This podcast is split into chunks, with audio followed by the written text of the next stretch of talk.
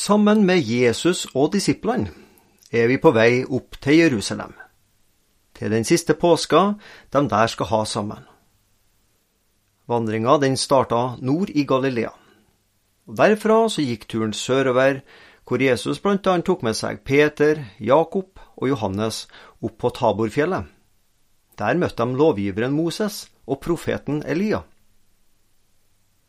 Så gikk turen videre nedover til byen Jeriko hvor disiplene fikk se og oppleve at den blinde Bartimeus ble helbreda, og tolleren Sakkeus fikk syn for de virkelige verdier, mennesker og ikke penger.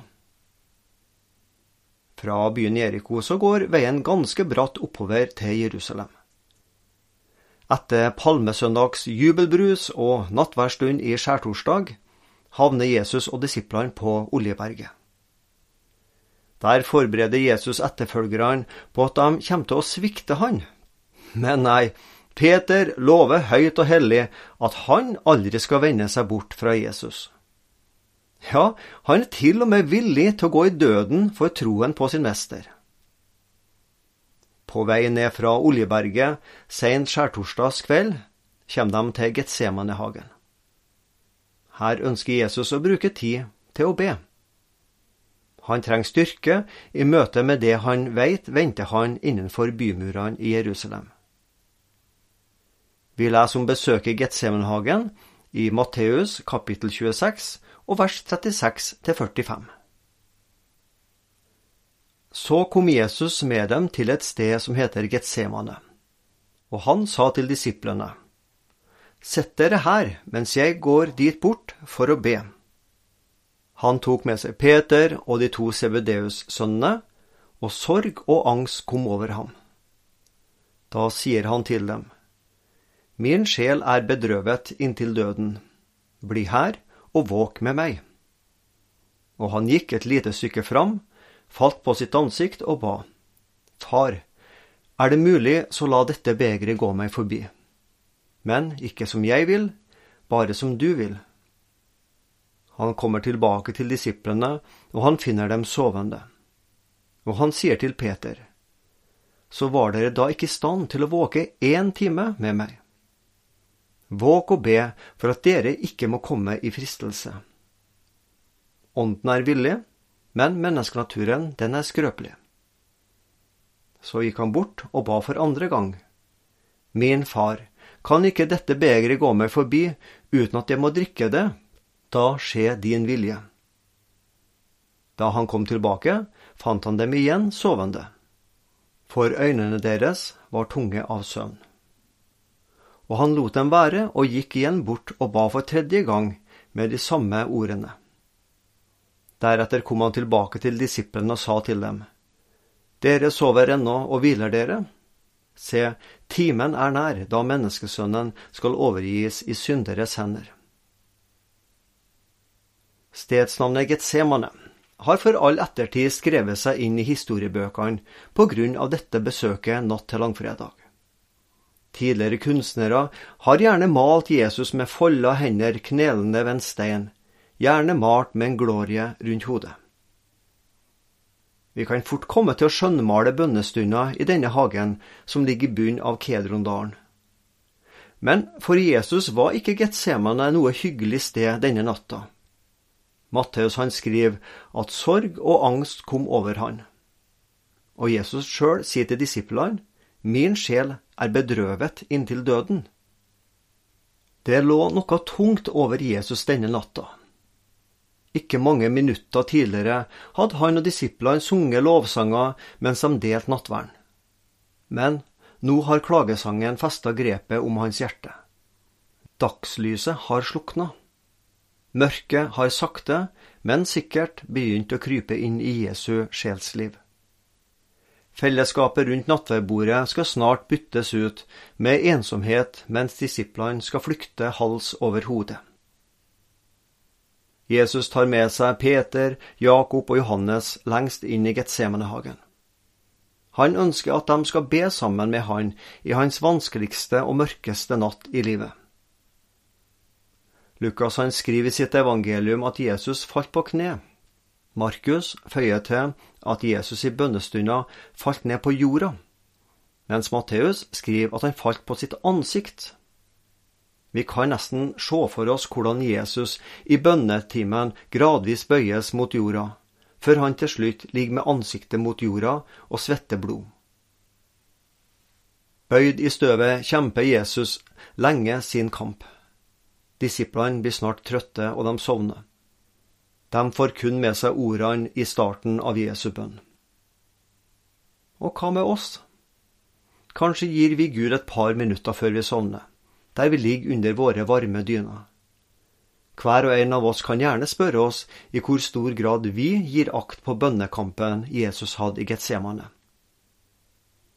I en salme så synger vi Den time i Getsemane jeg aldri glemme kan, da jeg i angst og blodig sved fikk se deg, Gud og frelsermann.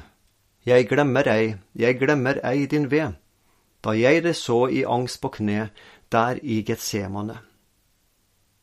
Dessverre er vel ofte sannheten at jeg både titt og ofte glemmer den kampen Jesus kjempa. Han kjempa egentlig ikke sin kamp, men min kamp og din kamp. For det var jo på grunn av dine og mine synder han kjempa seg fram til Golgatas kors. Med de tre nærmeste disiplene rundt seg, passe trøtte og sløve, starter Jesus på den første av de tre bønnestundene i timen som ligger foran. Hadde Peter og de to andre vært våkne og skjerpede, så hadde vi for ettertida visst mer om hva Jesus konkret ba om. Men før de sovna, fikk de i alle fall med seg den viktigste bønna som Frelseren ba.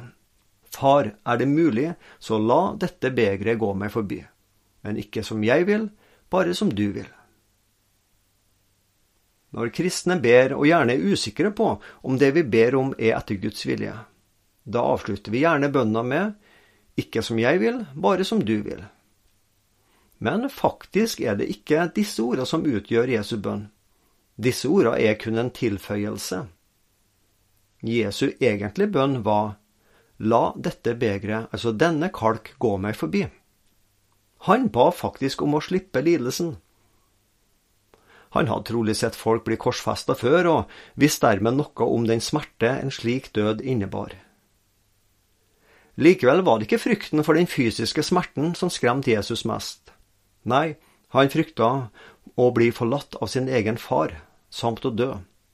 For Jesus som Guds sønn var døden noe ukjent, noe fremmed.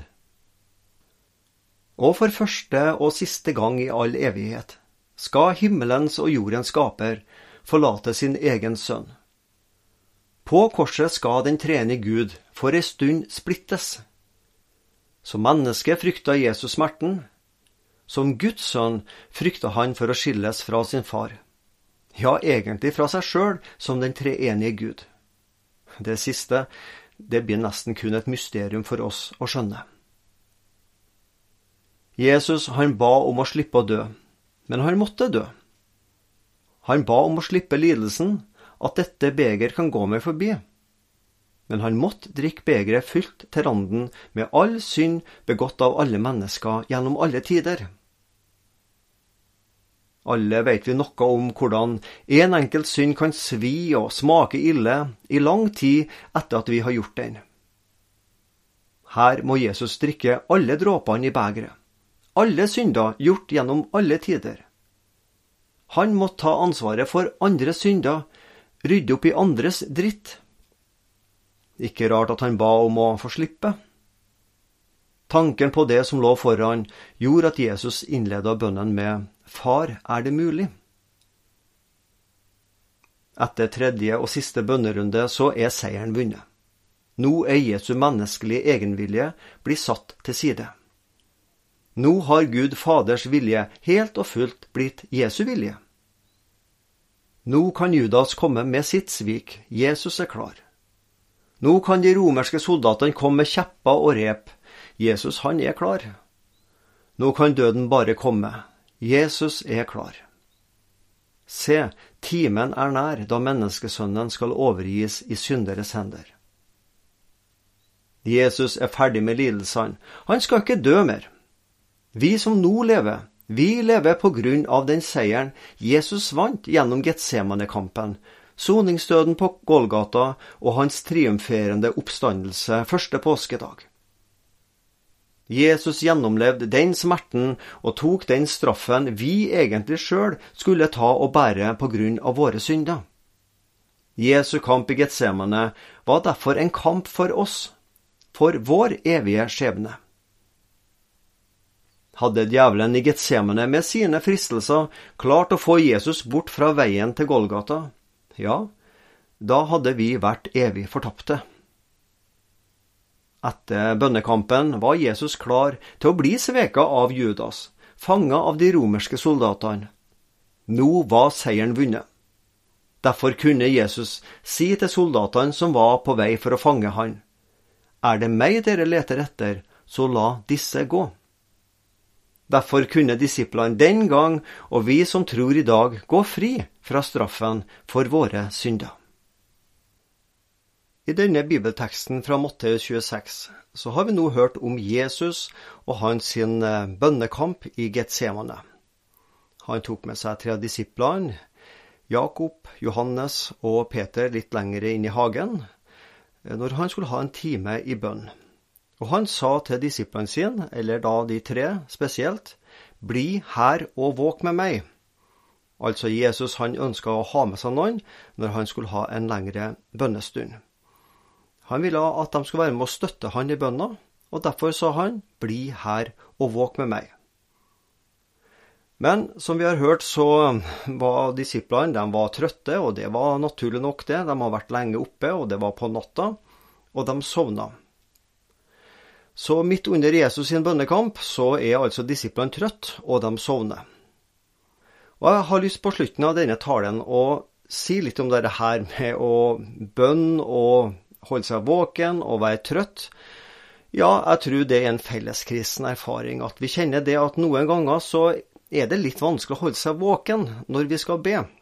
Det kan være at vi ikke vet helt hva vi skal be om, eller rett og slett at vi ikke er helt i form, og så blir vi trøtte. Det kan jo være at vi rett og slett ligger under dyna i senga på kvelden og skal prøve å be litt før vi sovner, og da er vi jo trøtte. Og så har vi vel flere opplevd at vi rett og slett sovner mens vi ber. Vel, jeg har lyst til å bruke de siste minuttene til å si noe om dette her. Hvordan kan vi holde oss våkne når vi ber? Hvordan kan vi holde på konsentrasjon? Fordi vi har vel også gjort den felles erfaringa at uh, det er så lett at tankene kommer på avveie jeg hadde bestemt meg, jeg skal be for sånn og sånn, og misjonærene og menigheter, og jeg skal be for ja, det ene og det andre konkret. Og plutselig så er tankene på avveie, og jeg tenker på noe helt annet. Hvordan kan vi få bedre konsentrasjon når vi ber? Jeg tror for det første så handler det litt om fysisk stillhet. Det å ha det stilt rundt seg. At det ikke bråker for mye. Det hjelper jo på å holde tankene bedre i konsentrasjon. Vi konsentrerer oss også bedre når vi har noe konkret å be om. Hvis vi ikke helt veit hva vi skal be om, vel, så flyter tankene rundt omkring. Men har du konkrete bønneemner, ja, så tror jeg også det øker konsentrasjon når det gjelder bønn. For noen kan det være en fordel det å ha ferdigformulerte bønner som man ber, eller at man skriver ned konkret hva man skal be for. Det er også med å hjelpe på konsentrasjon. Og både når det gjelder konsentrasjon og det å holde seg våken, så er det jo en fordel å være uthvilt. Rett og slett være opplagt. Ha et tidspunkt på dagen du ber, der du rett og slett er uthvilt og ikke trøtt og sliten. Trøtt og sliten og sløv, ja. Ja, det kan vi jo fort bli når eh, bønna bare oppleves som en plikt. Dette er noe jeg liksom må gjøre, og må Gud vil at jeg skal gjøre og så kan det bli noe sløvt over det. Fins det en oppskrift eh, for at eh, bønnelivet ikke skal oppleves som en kjedelig plikt, og at du dermed skal bli trøtt og sløv og nesten til slutt sovne?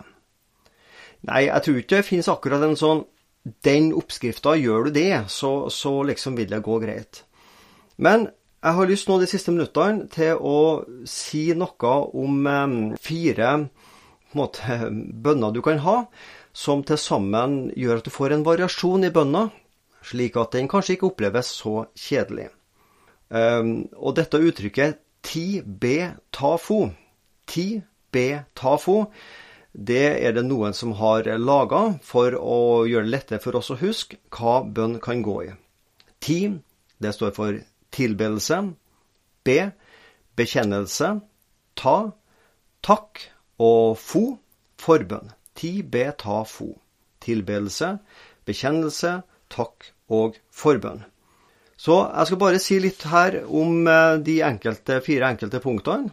Så kan jo det være noe som du kan bruke for å både øke konsentrasjon og holde deg våken, og at ikke bønnelivet skal oppleves som en sånn kjedelig plikt.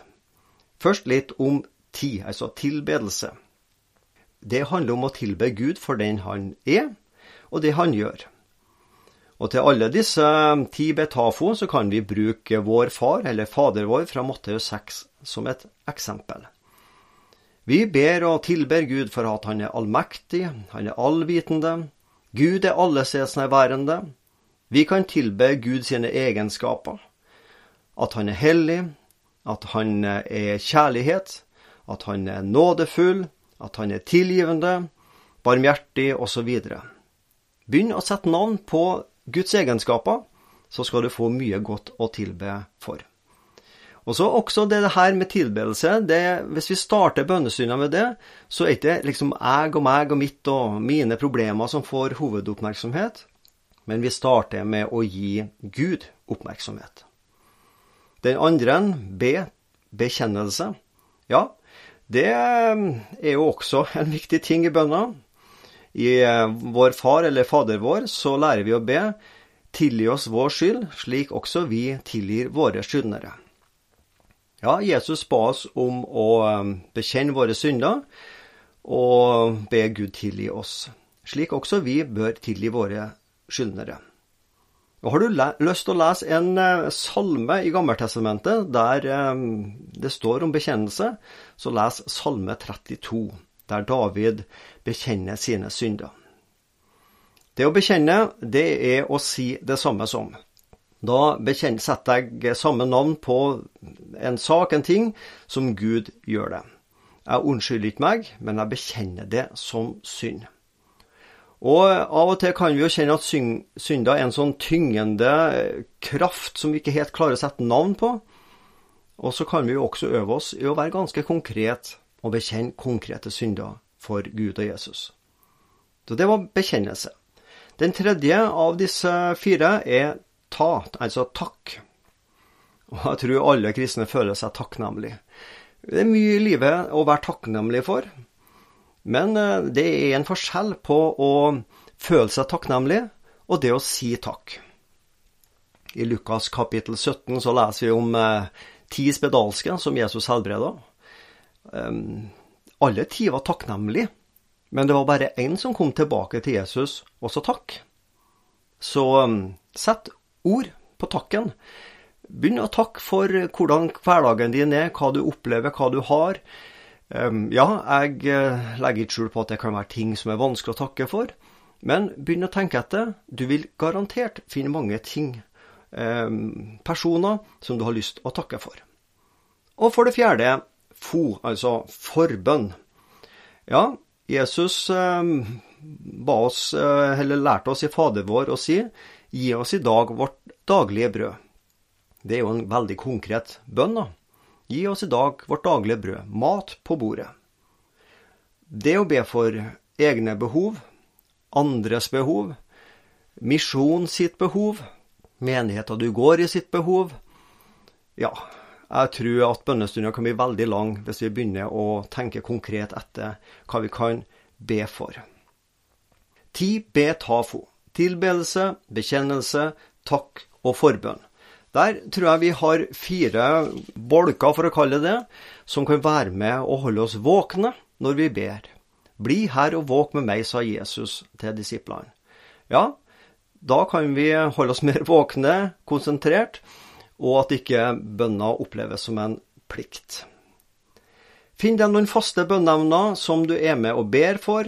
Flere misjonsorganisasjoner gir ut sånne bønnefoldere. med konkrete bønneevner. Og variere. Um, ta en rundreise i verden til ulike misjonsland eller skoler som misjon har, eller bedehus, og be konkret for det. Faste bønneevner pluss variasjon, det tror jeg også er med å hjelpe i bønna. Lykke til med ditt bønneliv. Ingen av oss får et perfekt bønneliv. Ingen av oss blir Jesus når det gjelder bønn. Men la oss bli inspirert av Jesus. Han hadde behov for å be, og det har også vi. Bli her og våk med meg, sa Jesus. Og Jesus, han er med oss og våker med oss i våre bønnestunder. Amen.